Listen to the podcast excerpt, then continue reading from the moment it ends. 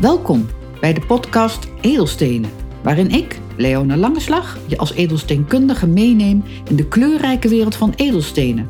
Of ook wel gems. Je gaat kennis maken met feiten en nuttige weetjes over de verschillende soorten edelstenen. En ik daag je uit om verder te kijken dan je neus lang is. En vertel je graag over mijn belevenissen. Ook geef ik tips en tools die je kan gebruiken om instinkers of zelfs dure miskopen te voorkomen.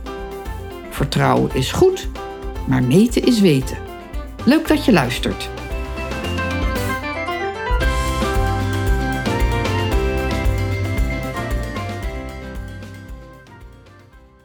Podcast 10. Mooi rood is niet lelijk.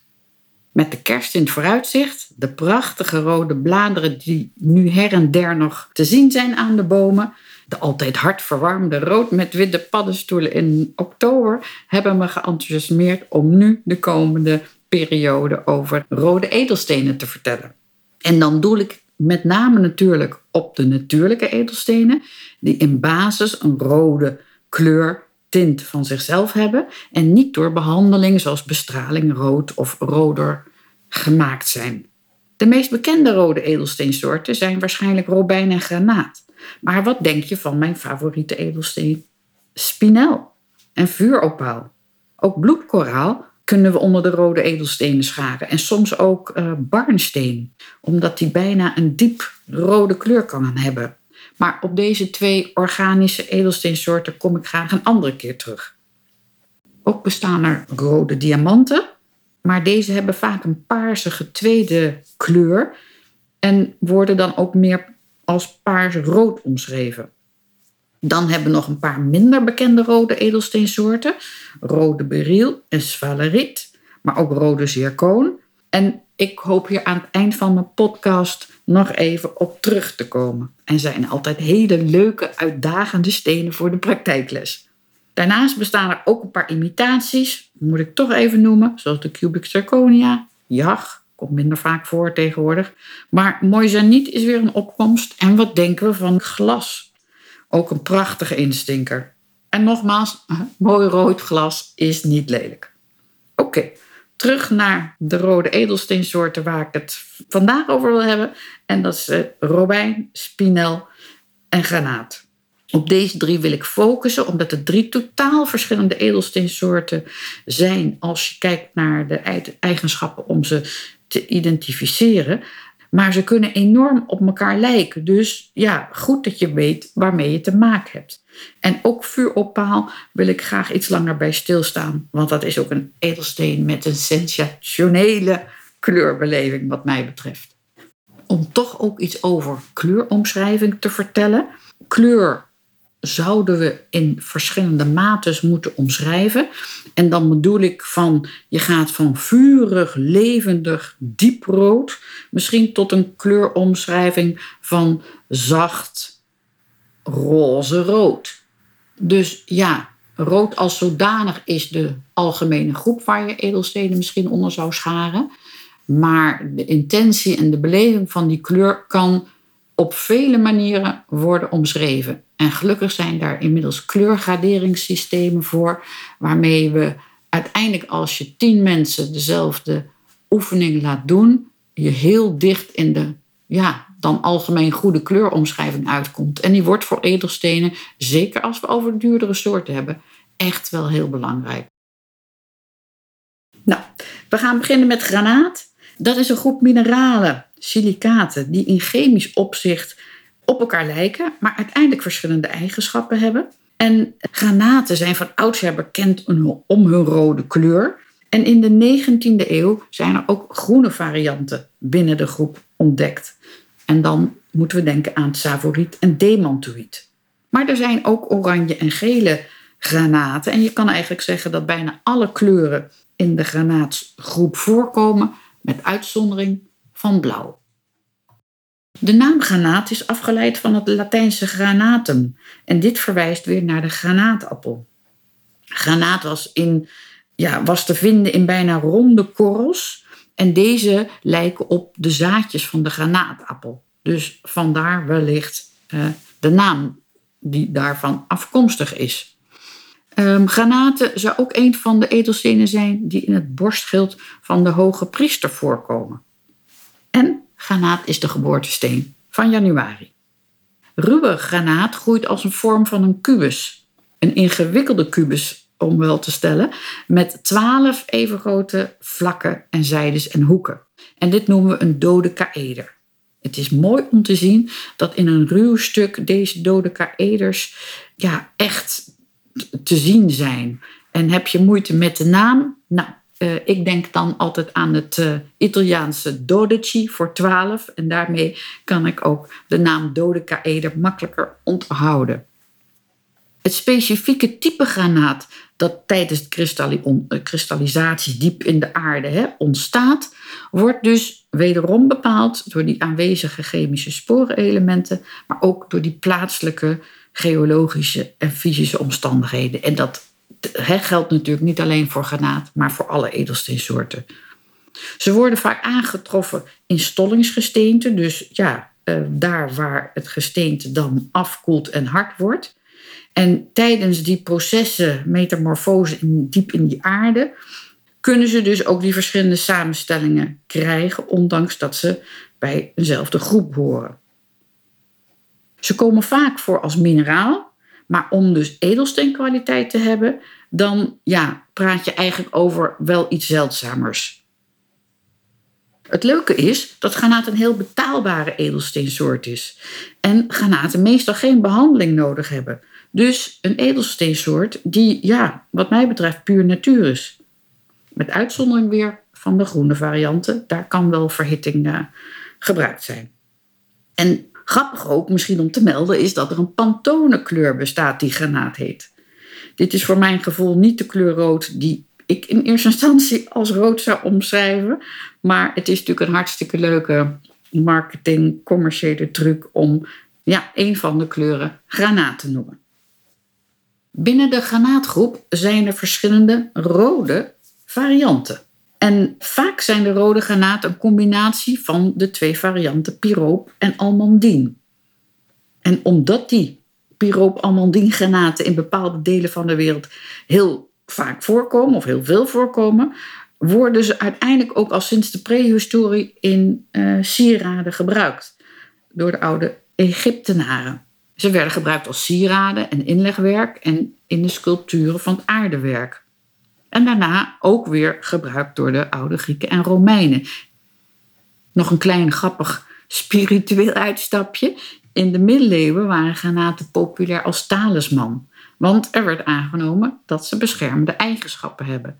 En ja, uiteindelijk zijn, zijn er nog een heleboel mensen die zich goed voelen bij granaat. En dat moeten ze vooral ook zo houden.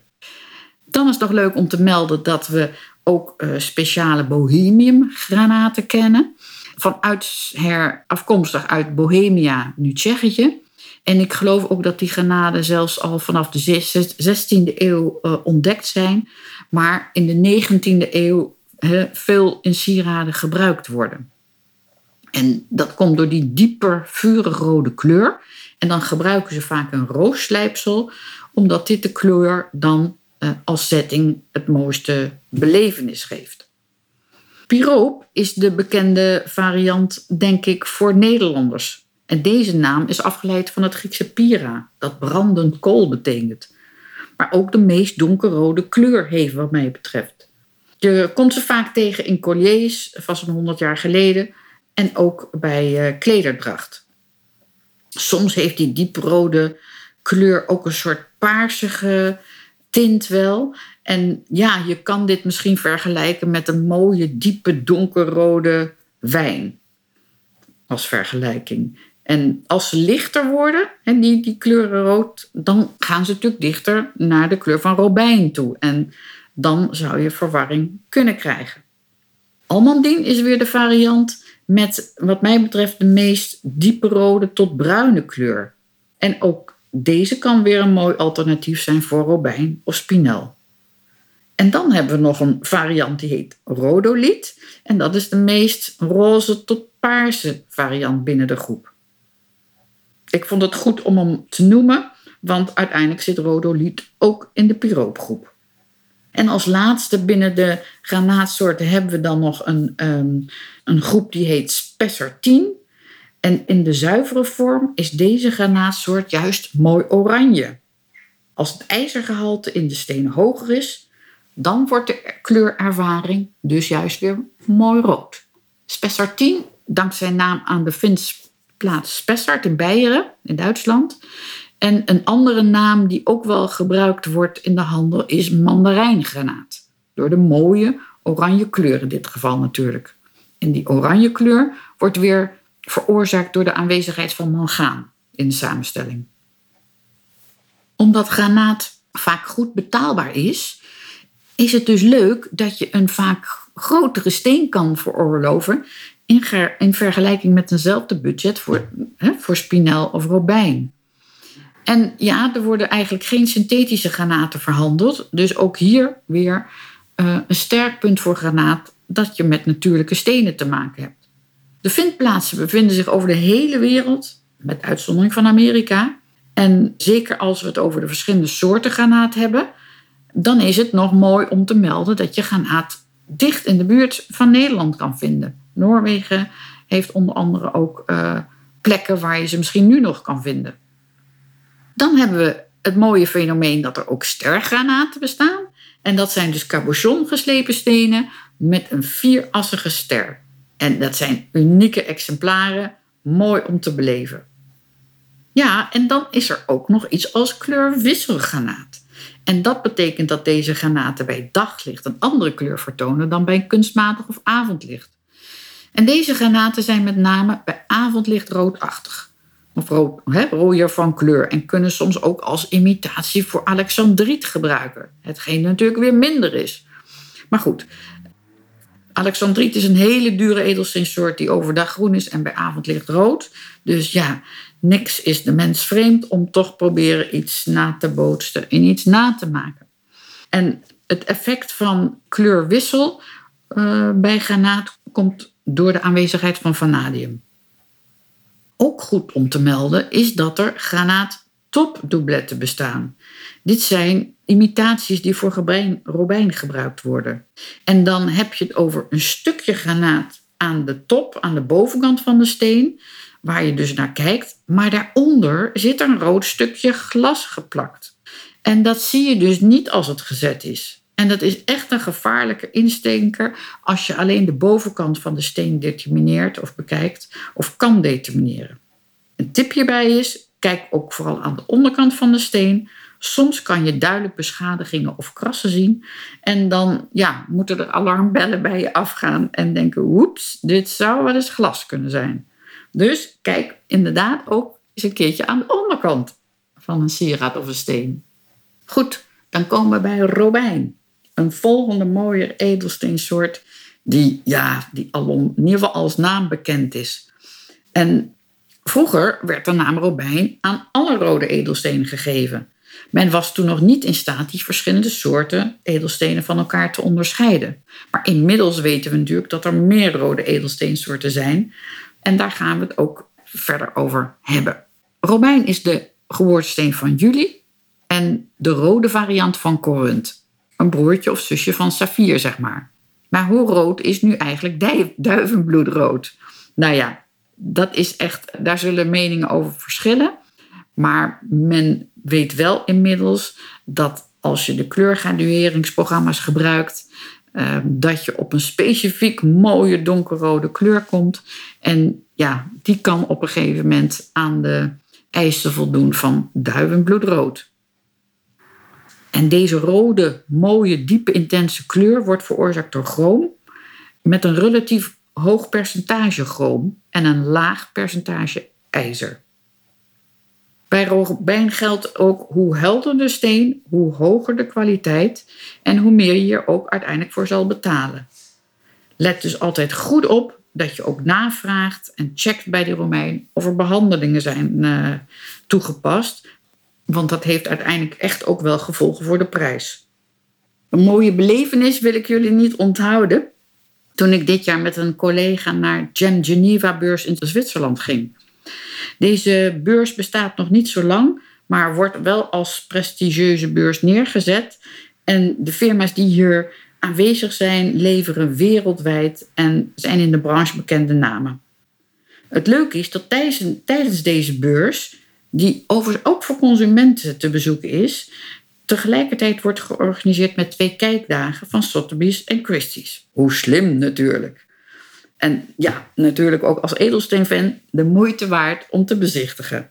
Zo gezegd, zo gedaan. En op de kijkdagen zie je natuurlijk meer sieraden dan misschien op de beurs. En met name als je het met losse edelstenen vergelijkt. Tijdens het bezoek wilden we een paar belangrijke juwelen zien, waaronder ook een hele bijzondere robijn uit Mozambique, de Estrela de Fura. Deze robijn was voor nu speciaal in een ring gezet, zodat je hem ook echt mooi kon zien en zelfs aan je hand kon bewonderen. Je begrijpt het al. Ehm, dat moesten we beleven. En hebben dan ook genoten van een, ja, ik denk wel twee suikerklontjes grote edelsteen. Estrela de Fura, een robijn uit Mozambique, die op doortocht was om uiteindelijk in New York geveild te worden. En ja, wel een belevenis had, want deze Estrela de Fura had drie uh, laboratoriumrapporten die alle drie hetzelfde ja, kleuromschrijving had van duivenbloedrood. En dat is echt bijzonder. En je begrijpt dan ook al, nou ja, dat de opbrengst uiteindelijk een megabedrag was. Schrik niet, 28 miljoen. Eerlijk gezegd natuurlijk beyond, maar oké. En ja, dan is het een mooie belevenis dat ik die steen van dichtbij heb mogen bekijken. En ook een hartstikke mooie opsteker voor edelstenen die uit Mozambique komen en die dus ook kunnen tippen aan de bekende ja, duivenbloedrode robijnen uit uh, Myanmar. Samengevat, robijn kan een behoorlijk dure edelsteen zijn als je een uitmuntende kwaliteit te pak hebt. Maar in het algemeen is robijn een edelsteen met behoorlijk wat insluitsels en daardoor ook vaak niet totaal transparant. Qua behandelingen is het goed om te weten dat robijn veelvuldig behandeld wordt. Verhitten wordt bijna standaard toegepast, met als doel de kleur te verbeteren en het oplossen van wat insluitsels, maar hoort altijd vermeld te worden. En dit laatste gebeurt mij natuurlijk veel te weinig. Ook zijn er verhitten en impregneren uh, met ander materiaal mogelijk. Ja, dus let daarop, want het kan in ieder geval het prijskaartje uh, uitleg geven. Maar ja, goed, soms is het heel verstandig om er gewoon nog eens extra naar te vragen. Robijn en granaat kunnen erg veel op elkaar lijken. Zeker als we te maken hebben met een klein lotje. En dan doe ik op een serie losse steentjes en zo'n speciaal opgevouwen papiertje. Dat wil nog wel eens voorkomen in de handel, dat men toch een paar granaten tussen de wat duurdere robijnen stopt en de boel wil belazeren. Gelukkig is hier een uh, simpel en leuk trucje voor. En dat is het gebruik maken van een echte sterke magneet. En deze bij ja, boven de steentjes te houden. En op het moment dat er granaten tussen een lotje robijnen zit, zullen die granaatjes naar die magneet toe willen gaan. En hiermee dus een hele simpele, makkelijke truc die iedereen kan toepassen. Gebeurt er niks met de granaat uh, of met de magneet, dan zal je, als je toch twijfels hebt, apparatuur moeten gaan gebruiken om de twee soorten van elkaar te kunnen onderscheiden. Maar goed, dat kan natuurlijk ook en daarvoor weet je waar je moet zijn. Twee andere fenomenen die ik nog echt wil benoemen, is het feit dat er dus nu zo'n 100 jaar synthetische robijn bestaat. En ja, heel knap dat de mens dat weet te ontwikkelen. Um, maar je komt er dus regelmatig nog wel in sieraden voor. En helaas is het, uh, ja, de kostprijs van synthetisch uh, robijn drie keer niks. Dus op het moment dat je daarmee te maken hebt, ja, wordt, wordt de waarde van je, je sieraad totaal anders. Ook is het tegenwoordig mogelijk om kwalitatief lage robijnen, of slechte robijnen moet ik zeggen, met glas te vullen. Dit zijn uh, dus, dus ja, slechte robijnen die door hitte en glas te vullen uh, ja, erg mooi eruit kunnen zien. En, en dus dan opeens als een mooie rode robijn verkocht kunnen worden. Het probleem is dat, dat ja, de duurzaamheid van uh, zo'n robijn minder goed is. En ook in bepaalde behandelingen of, of schoonmaken situaties uh, ja, kapot kunnen gaan. Gelukkig kan je een glasgevulde robijn wel relatief makkelijk identificeren. Uh, doordat er luchtbelletjes ja, met een loop of microscoop uh, te zien zijn. Maar dan moet je die natuurlijk wel bij de hand hebben. Om nog iets over de vindplaatsen van robijn te melden. Ja, Burma, Myanmar is natuurlijk de meest bekende vindplaats. Waar je die mooie duivenbloedrode robijnen kan vinden. Maar er zijn daarnaast ook andere prima vindplaatsen. En leuk om te zeggen is dat bij sommige vindplaatsen ook een typische lichter rode of meer roze rode of oranje rode kleurtint uh, te analyseren is. Maar dan hebben we het over Thailand, Sri Lanka, Vietnam, Tajikistan, Afghanistan, maar ook in Afrika opkomend natuurlijk Tanzania, Kenia, Mozambique, Nigeria en Madagaskar zijn interessante landen voor prachtige robijnen. Oké, dan komen we bij mijn lievelingsedelsteen, de rode spinel. Niet alleen de rode kleur kan echt fascinerend zijn, maar ook de helderheid en hardheid maken spinel tot een steeds meer gewaardeerde edelsteen, gelukkig. Het aantal insluitsels is vaak minder in vergelijking met robijn. En ja, de transparantie is ook eerder daardoor hoger. En wat de kleur rood betreft, ja, die kan ook echt veel meer aan die brandweer rode kleur tippen. Of ja, om te vergelijken met paprika rood. En ja, daarnaast is het ook zo dat spinel minder vaak behandeld wordt.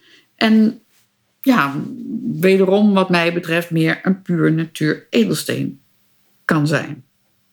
De herkomst van het woord spinel is niet helemaal duidelijk. Ze denken dat het Latijnse woord spina, dat doorn betekent, ermee te maken heeft. Want uh, spinellen kunnen gevonden worden in de octaedervorm en ook wel dubbelpyramidevorming, met dus twee punten als uiteinden. En die, die uiteinden ja, kunnen dus heel scherp zijn. De edelsteen spinel wordt overigens door verschillende metaaloxiden gekleurd. Zuivere spinel is weer kleurloos, maar in dit geval is ook chroom het kleurende element bij spinel dat uh, rood veroorzaakt. Tot de 19e eeuw, zoals eerder gemeld, noemde men alle rode stenen robijnen en dit kwam natuurlijk omdat men nog niet in staat was die verschillende eigenschappen van de soorten te kunnen bepalen. Maar inmiddels is gebleken dat bijna alle grote robijnen, meer dan 10 karaat, die bewaard zijn gebleven in kroonjuwelen eh, en privécollecties, rode spinellen zijn. Wat ook echt leuk is om te weten, dat er dus in de kroonjuwelen van het Engelse koningshuis geen robijn zit, geen Black Prince Ruby, maar een rode spinel blijkt alweer dat grote, rode, kwalitatief mooie robijnen echt zeldzaam zijn. Oké, terug naar spinel. Ze worden vaak gevonden in de buurt ook waar robijnen ook gevonden worden. En ja, het gekke is wel dat tot nu toe spinel niet zo'n hele bekende edelsteensoort is. En dat komt waarschijnlijk omdat de synthetische variant gezorgd heeft voor de slechtere naam, zeg maar. Want synthetische blauwe spinel bijvoorbeeld wordt heel vaak gebruikt als imitatie voor aquamarijn. En de groene synthetische spinel als imitatie voor groene saffier of tourmalijn. Ja, en op die manier ja, hè, krijg je dus wel dat de synthetische vorm afbreuk doet aan de, de variëteit uh, spinel in dit geval. Maar ik denk door het feit dat de kleur rood echt waanzinnig kan zijn, Spinel wel steeds meer in bekendheid en gewildheid zal uh, groeien. Dus houd je van knalrood zoals ik? Ja, dan is uh, spinel misschien ook een mooie edelsteensoort voor je, waar je eens naar uh, moet kijken. Maar er zijn ook andere kleuren spinellen die echt de moeite waard zijn. Zoals een donkerblauw-grijze spinel. Ja, eigenlijk kleuren die niet zo vaak voorkomen, maar echt wel uh, heel mooi zijn. Dan hebben we vuuropaal. dat is een opaalsoort die niet de typische verschillende kleurtjes laat zien als je van opaal misschien gewend bent als je de steen draait. Maar dit is een meer effen oranje tot vuurrode kleur. En omdat vuuropaal vaak niet helder is, het is meer doorschijnend à la een gelei, zal de steen ook vaak cabochon geslepen worden. Als je een hele heldere vuuropaal hebt, dan kan je wel weer gaan facetteren. En omdat dit niet zo vaak voorkomt, is het echt een uitdagende steen voor de praktijklessen om te determineren, een soort instinker. En het verbaast merendeel van de mensen ook die de steen ter onderzoek krijgen dat het een rode vuuropaal is. Vuuropalen worden met name in Mexico gevonden en de hardheid van opaal is matig, dus vandaar dat deze edelsteensoort altijd met voorzichtigheid gedragen moet worden, maar de kleur kan echt fascinerend zijn. Opaal groeit overigens niet als kristal hè, en men noemt dan ja, de substantie als zodanig ook wel amorf.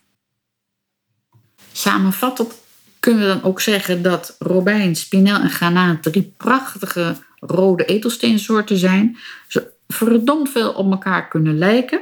Dus dat het soms handig kan zijn uh, als je niet weet wat het is, om dat uh, uit te laten zoeken. Misschien nog goed om ook te melden dat rubeliet, wat mij betreft de roze variant van tourmalijn, ook wel als rode edelsteensoort wordt gezien. Maar mijn kleurbeleving is echt dat het meer roze is. En ik bewaar die rubeliet dan ook voor een podcast over roze edelstenen. Dan wil ik het nog graag hebben over een paar verzamelaarsteensoorten, namelijk svaleriet, zircoon en rode beryl. Svaleriet is een echte hele speciale edelsteensoort die onder andere in Spanje gevonden kan worden en die enorm veel schittering kan geven. Men noemt deze edelsteen ook wel zinkblende, maar dat is natuurlijk een veel minder sprankelijke naam dan svaleriet. Wel wat lastiger uit te spreken overigens. Svaleriet heeft, geeft soms het idee dat je eigenlijk met een nepsteen te maken hebt door die enorme schittering. dat het misschien wel een cubic zirconia is. Maar ja, ze bestaan echt, dus de moeite waard om een keer te beleven. Svaleriet kan overigens ook weer in andere kleuren voorkomen, zoals geel, groenig of bruin. Maar ja, die donkerrode maakt hem wel heel bijzonder. Het is een edelsteensoort die dus zeldzaam is en helaas een behoorlijk prijskaartje heeft. Maar goed, als je wat speciaals wil, dan heb je dat zeker met svaleriet. Dan ehm, bestaat er nog het rode zusje van de smaragd of aquamarijn, namelijk rode beryl. He, beryl is de groepsnaam. En die wordt ook wel verkocht onder de naam Bixbyt. Bixbyt wordt alleen gevonden in, in Utah in de Verenigde Staten en is dus ook weer een echt zeldzaam edelsteentje. De rode kleur krijgt deze beryl door de aanwezigheid van mangaan. Ja, en dan last but not least, rode zircoon. Zircoon is niet te verwarren met cubic zirconia, een natuurlijke edelsteensoort met een sterk vuur, hè, schittering, en kan door die sterke saturatie of verzadiging die enorme rode kleur ook uh, ja, tot bloei uh, geven. En ook dit is weer een edelsteensoort die best wel meer aandacht zou mogen krijgen, wat mij betreft. Oké, dit was het scala van de rode edelstenen. Graag sluit ik dan ook weer af met een paar uh, tips. Nou, als eerste natuurlijk, ga zelf ontdekken. Ga kijken met de loop. En ja, wederom ook bekijk de onderkant van de steen of de onderkant van de zetting. Uh, laat er ook eens een lichtje onderscheiden, want die kleurbeleving wordt daardoor ook anders en soms zelfs intenser en mooier. Dus hoe leuk is dat weer niet? En ja, als je de mogelijkheid hebt, ga naar een beurs, ga naar een veiling. Daar kan je prachtige dingen van dichtbij te bekijken. Ik zeg altijd, je hoeft niet alles zelf te hebben, maar zo'n ervaring is een mooie belevenis die je altijd bij je kan dragen. Dus maak daar gebruik van en ja, op naar de kerst met uh, veel mooie, rode, warme, liefdevolle kleuren. Graag tot de volgende podcast.